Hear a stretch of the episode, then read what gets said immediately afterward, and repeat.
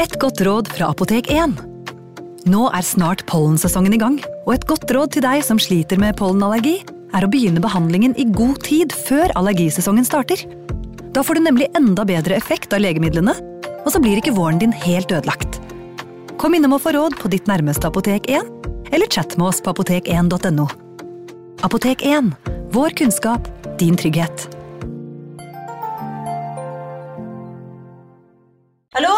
Jeg kommer fra Oslo politikammer.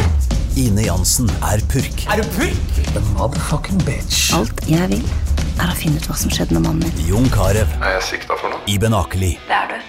Ole So, Lars Berrum og Big Daddy Karsten. Hvem sin side er du på, egentlig? Anette Hoff, Tone Danielsen, Kommer du fra Afrika?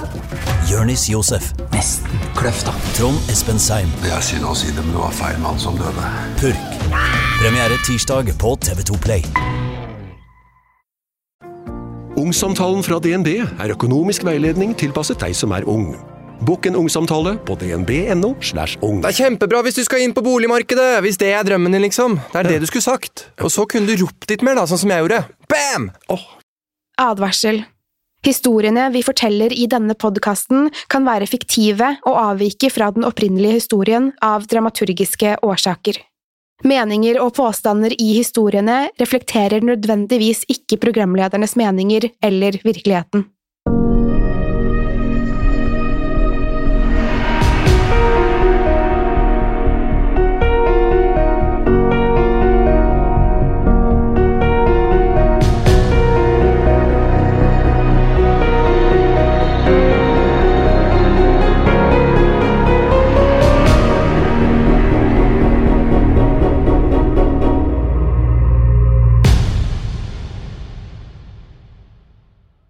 Legenden om Kushisake Onna er en av Japans mest kjente vandrehistorier.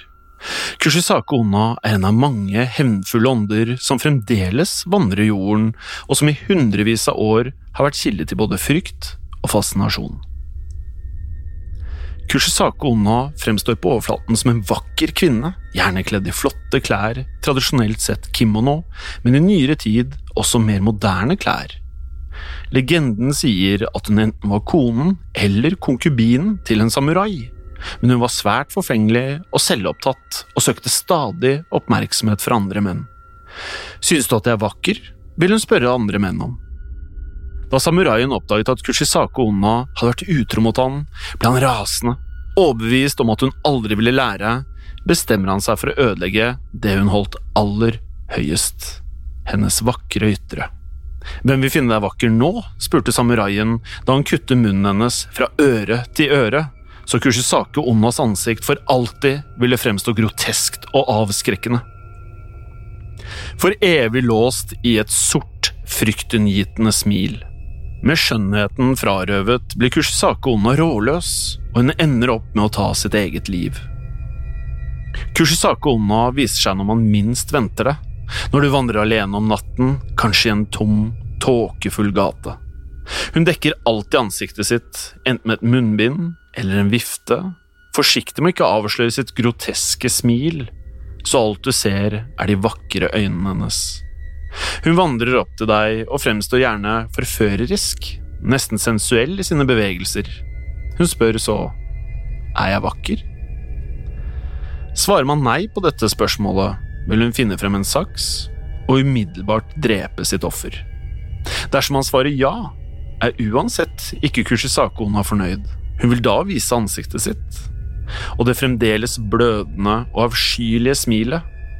Hva med nå? spør hun sitt sjokkerte offer. Svarer man ja, vil Kushisako Ona la deg leve, og tillate deg å fortsette videre. Når du legger deg i sengen din rett før du sovner, vil Kushisake Onna igjen vise seg. Hun finner igjen frem saksen sin og kutter deg fra øre til øre, og etterlater deg med det samme deformerte smilet som hun vandrer rundt med. Svarer man nei på dette spørsmålet, vil hun fremdeles la deg gå og la deg tro du har sluppet unna. Kushisake Onna vil igjen vise seg når du er i ferd med å sovne, og vil også her finne frem saksen, men vil nå drepe sitt offer ved å kutte deg i to. Det er håpløst å forsøke å rømme fra henne. Kushisake Onna vil alltid finne deg, og dukker opp når du er mest sårbar. Som alle vandrerhistorier finnes det utallige versjoner av denne. I noen tilfeller er det en sjalu kvinne som kutter ansiktet til Kushisake Onna. Noen ganger fordi denne kvinnen var misunnelig på hennes vakre ytre. Andre versjoner forteller om en kvinne rømt fra en institusjon som forsøker å bortføre barn. Det finnes også ulike utfall av møter med Kushisake Onna, men de fleste inkluderer de to spørsmålene er jeg vakker, og hva med nå? og ender stort sett med at hennes offer blir drept eller får et smil kuttet fra øre til øre. Det sies at Kushisake Onna angriper både menn og kvinner, og at det særlig er kvinnene som er ofre for lemlesting av ansiktet, mens menn stort sett bare blir drept. Mange spekulerer om det er noe vis man kan flykte fra Kushisako Onna, men å løpe fra henne er meningsløst, og hun vil igjen vise seg når man tror man er trygg. Den eneste måten å slippe unna skal være å anerkjenne henne, men svare vagt på spørsmålene hennes. Når Kushisako Onna spør om hun er vakker, skal man svare middels eller normal. Andre forteller at hun vil la deg være dersom han unnskylder seg, og sier at man er på vei til en annen avtale. En siste løsning er å snu situasjonen mot henne, ved å spørre Kushisake Onna om hun synes at du er vakker. Disse scenarioene skal forvirre henne og gi deg tid til å flykte. Kushisake Unna er en av mange slike hevnfulle ånder som går igjen i japansk kultur. Disse gjenferdene har ofte en tragisk historie knyttet til seg, og fortellingene sier at de fortsetter å vandre på jorden, drevet av et ønske om å gjøre opp for uretten de opplevde i livene sine. I Japan kalles skikkelsen for onryo, Skapninger med overnaturlige evner og et umettelig behov for å hevne seg på de levende. En annen slik historie er fortellingen om Teke Teke. Dette startet også som en vandrerhistorie, og forteller om en ung jente som i likhet med Kushisake Onna møtte en tilsvarende blodig død. Historien begynner med at jenta ble dyttet ned på togskinnene og kuttet i to av det passerende toget. Ulykken tar livet av henne, men hun returnerer som en slik onryo. Synet av henne beskrives som fullstendig fryktinngytende, en overkropp som drar seg bortover på albuene. Hun er stort sett bevæpnet ofte med en stor ljå som hun bruker til å kutte ofrene sine i to, slik at de møter samme skjebne som henne. Navnet Teke Teke kommer fra lyden hun lager, enten av kroppen som dras mot bakken, eller lyden av bena i overkroppen hennes som knekker. Denne lyden kommer gjerne som et forvarsel før hun viser seg. Det er ingen som vet hvordan hun velger ut sine ofre, Tilsynelatende er det helt tilfeldig. Teke Teke finner deg når du er alene og på ditt mest sårbare. Det første du hører, er lyden av menneskeben som knekker. En forferdelig lyd som raskt vokser i volum og intensitet. Så, når du føler at lyden blir uutholdelig, kommer Teke Teke ut av mørket. Sakte kommer hun til syne Først ser det ut som en vanlig kvinne som åler seg mot deg, men så ser man at hun mangler halve kroppen. Det er for sent å frykte, for så fort Teke Teke får øye på deg, vil hun følge etter deg, og er du ikke rask nok, kutter hun deg i to med ljåen. Teke Teke kan i noen tilfeller skjule at hun mangler underdelen av kroppen, og for sine ofre fremstå i sin menneskelige form. En av historiene om Teke Teke forteller om to skolegutter, Arikado Yusei og Tanaka Eita. De la merke til en pen ung jente som smilte til dem fra et vindu. Yusei og Eita gikk på en ren gutteskole, og syntes derfor at det var merkelig å se en jente i vinduet. Eita lurte på hva hun gjorde der. De rakk ikke å tenke på det lenge, for kort tid etter at blikkene deres hadde møttes, hoppet jenta ut av vinduet og for mot dem. Det var først nå de to guttene la merke til at hun manglet underkroppen, og at det var kun en overkropp som ålte seg mot dem. Yusei frøs til av skrekk, sjokkert over det fryktinngytende synet. Teke Teke når bort til ham og kutter ham i to. Eita er også livredd, men er ikke handlingslammet. Han begynner å løpe så fort han kan. Han spurter, uten å noen gang se seg tilbake, hele tiden med lyden av ben som knekker rett bak han.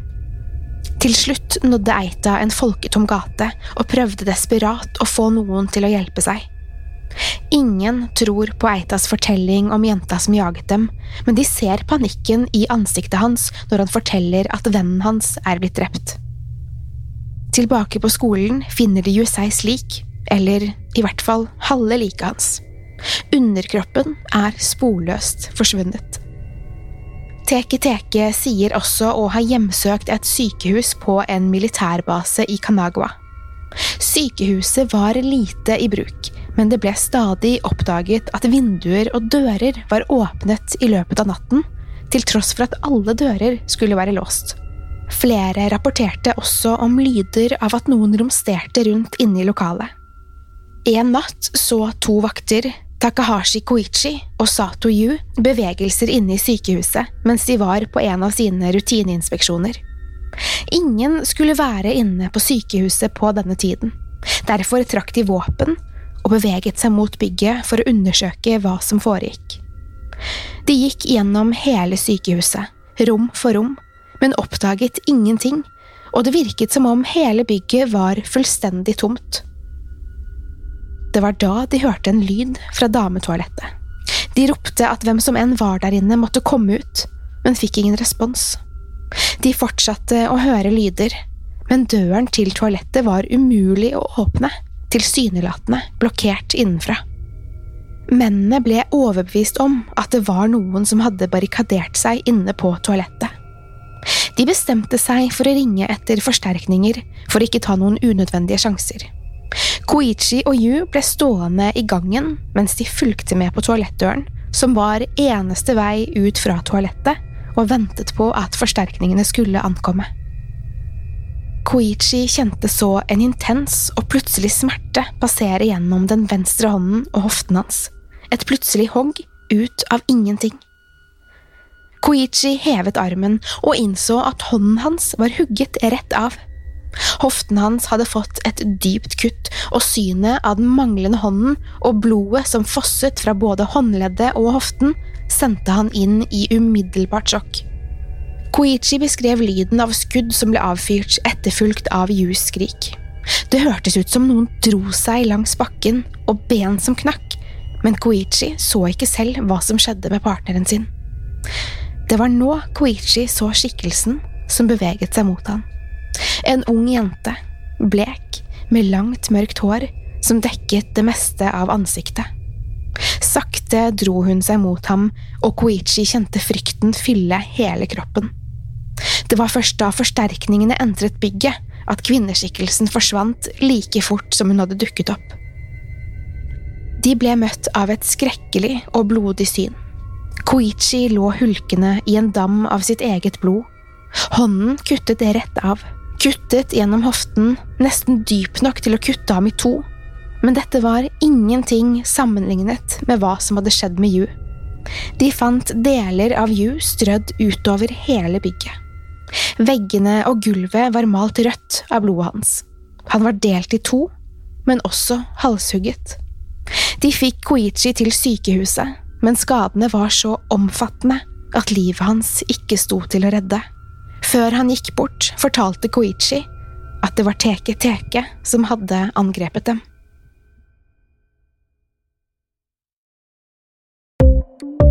Er du glad i Skrekkpodden, sjekk gjerne ut andre podkaster fra moderne media, som Historiepodden, Mørkeredd eller True Crime-podden. Podkastene våre finner du der du lytter til podkast, som på iTunes eller på Spotify.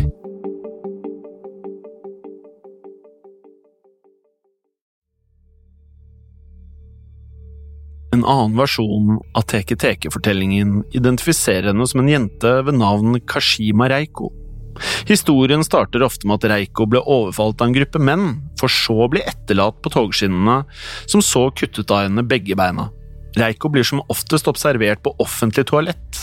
Faktisk er hun en av mange japanske gjenferd som sies å hjemsøke offentlige toaletter. Disse fortellingene sier at hun roper ut spørsmålet 'Hvor er beina mine?' hvor hun river av beina til sine ofre dersom de ikke svarer på en tilfredsstillende måte. En utgave av fortellingen om Kashima Reiko sier at hun vil vise seg eksakt én måned etter at man lærer seg om historien hennes. Så se opp for Reiko neste gang dere besøker et offentlig toalett. Denne detaljen bærer mange likheter med den kjente japanske romanen og senere skrekkfilmen Ringu, så vel som den amerikanske remaken The Ring, som tar inspirasjon fra flere japanske legender og vandrehistorier. For de som ikke kjenner denne filmen, handler den om en videokassett som bringer med seg en forferdelig forbannelse over alle som spiller av denne filmen. Umiddelbart etter å ha fullført filmen mottar man en telefonsamtale med den kryptiske beskjeden syv dager. Dette er starten på en nedtelling, der man etter én uke vil møte en tidlig grav i møte med en ung jente som kommer ut av TV-en. Uten å gå for mye i detalj, vil de som kjenner denne historien vite at en brønn står sentralt i denne fortellingen, men selv om flere detaljer naturligvis er diktet opp, finner man mange likhetstrekk med eldre historier. Historien om Mokiku er satt i det pittoreske slottet Himeji, bygget på fjellet Himeyama tidlig på 1300-tallet. Slottet er i dag en populær turistattraksjon, men har samtidig en mørk og skremmende historie knyttet til seg. Okiku var tjenestepike for en samurai ved navn Tessan Aoyama. Aoyama forelsker seg i Okiku og forbereder seg på å forlate konen sin og starte et nytt liv med unge Okiku. Til hans store fortvilelse avviser Okiku hans avansement, som gjorde den stolte Aoyama rasende. Ikke forberedt på å godta dette avslaget, bestemmer Aoyama seg for at han må benytte andre metoder. En av Kikus oppgaver var å vokte over ti gulltallerkener, som var svært verdifulle. Aoyama bestemmer seg for å gjemme en av disse, og forteller Okiku at han vil anklage henne for tyveriet dersom hun ikke går med på å gifte seg med han. Dersom hun nektet, ville dette resultere i at hun ble dømt, som igjen ville medføre smertefull tortur og til slutt hennes henrettelse. Innstilt på å aldri være med Aoyama, ender Okiku livet sitt med å kaste seg ned i en brønn ved Himeji slott. Andre versjoner forteller at det var Aoyama selv som kastet den ned i brønnen, da hun fremdeles nektet å være med han. Etter dette skal Ukiku ha besøkt Aoyama hver eneste natt. Hver kveld da det mørknet, kom Ukiku krypende ut av brønnen. Om nettene kunne man høre henne telle over tallerkenene som hun hadde blitt anklaget for å stjele, for så å bryte ut i et voldsomt raserianfall da hun innså at den tiende tallerkenen fremdeles var forsvunnet. Disse skrikene holdt Aoyama våken natt etter natt, og skal til slutt ha drevet ham fullstendig til vanvidd. I dag er brønnen ved Himei slott dekket av jernstenger, kanskje for å hindre barnet å falle ned, eller kanskje det er for å holde Ukiku innestengt. Okiku er et typisk eksempel på det som i japansk kultur kalles for en yurei. En yurei er, i likhet med en onryo, en skapning drevet av hevn, men skiller seg ut ved å ha et veldig spesifikt utseende. En yurei er gjerne fremstilt kledd i hvitt, med langt, mørkt hår som dekker deler av ansiktet deres. Håret er en viktig detalj og tilegnes egne egenskaper hos flere av disse skapningene. Dette er en beskrivelse som også passer godt for Sedako eller Samara fra The Ring-filmene. Denne karakteren har samtidig fått visse trekk som skiller seg fra en klassisk jurei. Mange som er nye til dette konseptet, peker ofte på likhetstrekk mellom karakterer fra ulike filmer og fortellinger, til tross for at de i Japan ses på som unike karakterer.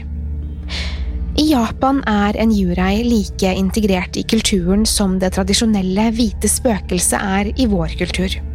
En jurei ses ofte på som en mektig skapning med evne til å påvirke den fysiske verden og spre frykt hos mennesker, samtidig som de nesten er umulige å bli kvitt.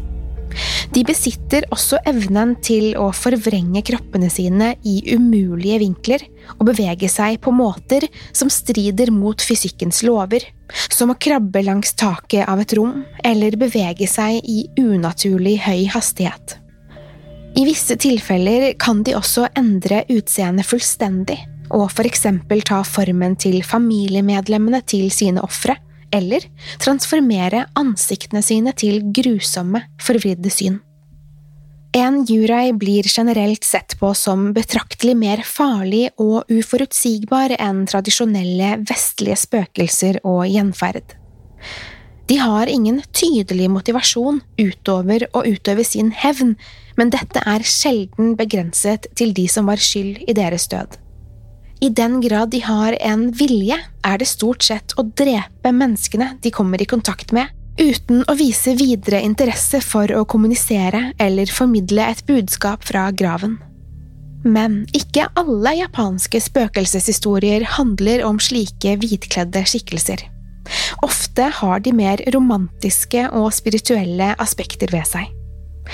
Fortellingen om Botandoro stammer opprinnelig fra Kina, men har blitt til en av de mest populære spøkelseshistoriene i Japan, og eksisterer i dag i utallige ulike versjoner.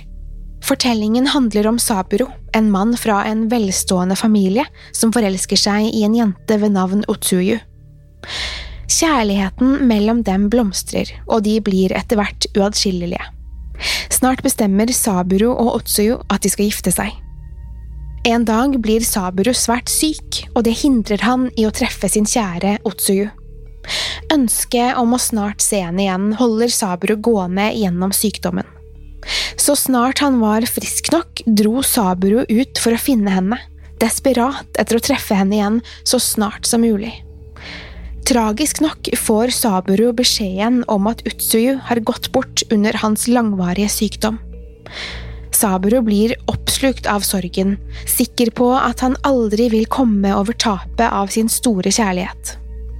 Under den årlige Obon-festivalen, der buddhistene feirer sine forfedres ånder, ba Saburo om at Utsuyus ånd skulle komme og besøke ham. På vei hjem fra festivalen møtte Saburo to kvinner. En vakker kvinne og hennes tjenestepike. De bar med seg en peonlanterne, og da lyset fra lanternen traff kvinnens ansikt, så Saburo at hun var identisk til Otsuyu. Saburo blir ekstatisk og løper bort til kvinnen. Kvinnen begynner å snakke før Saburo får sagt et eneste ord. Tårer renner nedover ansiktet hennes mens hun sier. De fortalte meg at sykdommen hadde tatt livet av deg, min kjære Saburo. Jeg var så knust at jeg ba min tjenestepike bli med meg ut av byen, men her er du, i levende live. Saburo omfavnet Otsuyu overlykkelig over endelig å ha blitt gjenforent med sin elskede. Han inviterte kvinnene med seg hjem. Otsuyu delte rom med han, mens tjenestepiken sov på et gjesterom. Den natten sov han endelig tett til Otsuyu igjen, og hun ville fortsette å returnere til ham hver eneste kveld. En av Saburus tjenere begynner å lure på hvem det er som besøker Hans Herre på kveldene, og bestemmer seg en natt for å smugtitte inn på Saburus rom. Tjeneren får sjokk når han ser hva som foregår inne på soverommet. I Saburus armer lå et skjelett. På gjesterommet, der tjenestepiken sov, fant tjeneren også et skjelett, og ved siden av to peonlanterner. Sjokkert over hva han fant, løper tjeneren ned til et tempel hvor han søker råd hos en prest og forteller alt han så i Saburus hjem. Det viser seg at Otsuyo hadde forsøkt å forlate byen sammen med tjenestepiken sin da hun ble fortalt om Saburos død, men de to hadde blitt drept på veien.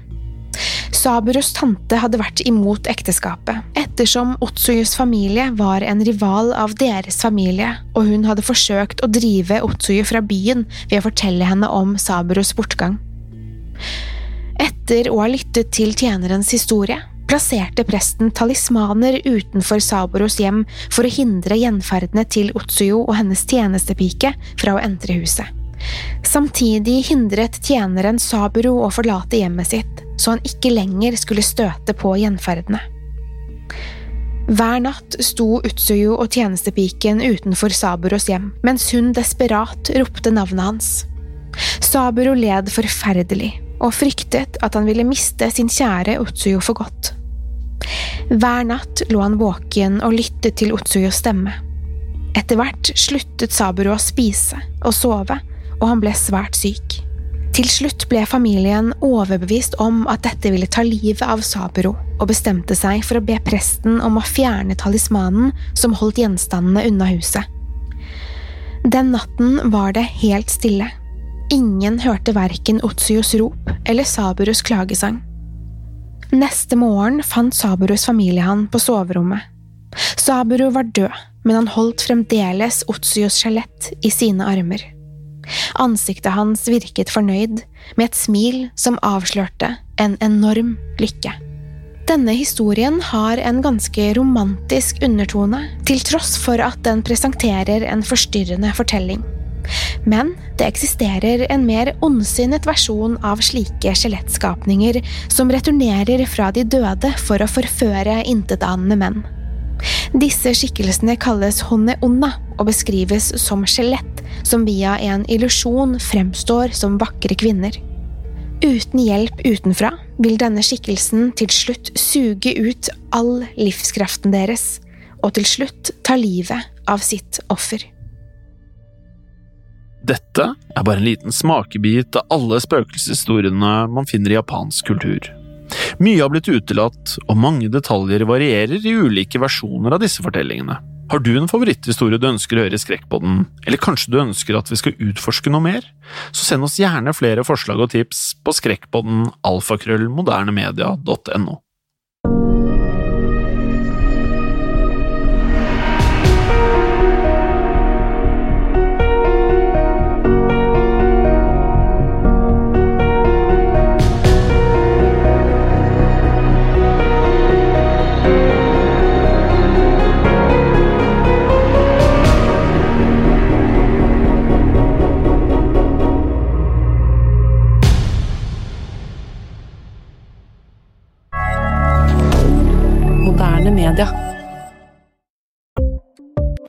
Ukens annonsør er Folio, en smartere banktjeneste for deg som har en egen bedrift eller ønsker å starte for deg selv. Folio er en superenkel nettbank for bedrifter. Som kunde i Folio får du en bedriftskonto med et bedriftskort og app. I denne appen er det smarte løsninger som forenkler regnskapet ditt, uansett om du har en liten bedrift eller et enkeltpersonsforetak. Folio er både intuitivt og brukervennlig, og er laget med et enkelt språk. I tillegg tilbyr de forutsigbare priser og ingen skjulte gebyrer. Skulle du likevel trenge det, så kan du snakke med deres raske og hyggelige kundeservice, og der får du prate med en faktisk person og ikke en chatbot. Folio er med andre ord både enklere og koseligere enn banken. Over 10 000 bedrifter har allerede valgt Folio som sin banktjeneste, så besøk folio.no og se hvordan Folio kan forenkle din hverdag også. Har du et enkeltpersonforetak eller en liten bedrift? Da er du sikkert lei av å høre meg snakke om hvor enkelt det er med kvitteringer og bilag i fiken, så vi eh, gir oss her, vi. Fordi vi liker enkelt. Fiken superenkelt regnskap. Kiwi er billigst i VGs matbørs og har vært billigst i fire av de fem siste VGs matbørser. Og nå presser vi prisene på frukt og grønnsaker. På 200 gram broccolini setter vi prisen til 24,90. På 400 gram Cevita blåbær setter vi prisen til 49,90. Og husk, alle Kiwi Pluss-kunder får i tillegg 15% trumfbonus på all fersk frukt og grønt. For det er vi som er prispresserne. Og vi i Kiwi gir oss aldri på pris.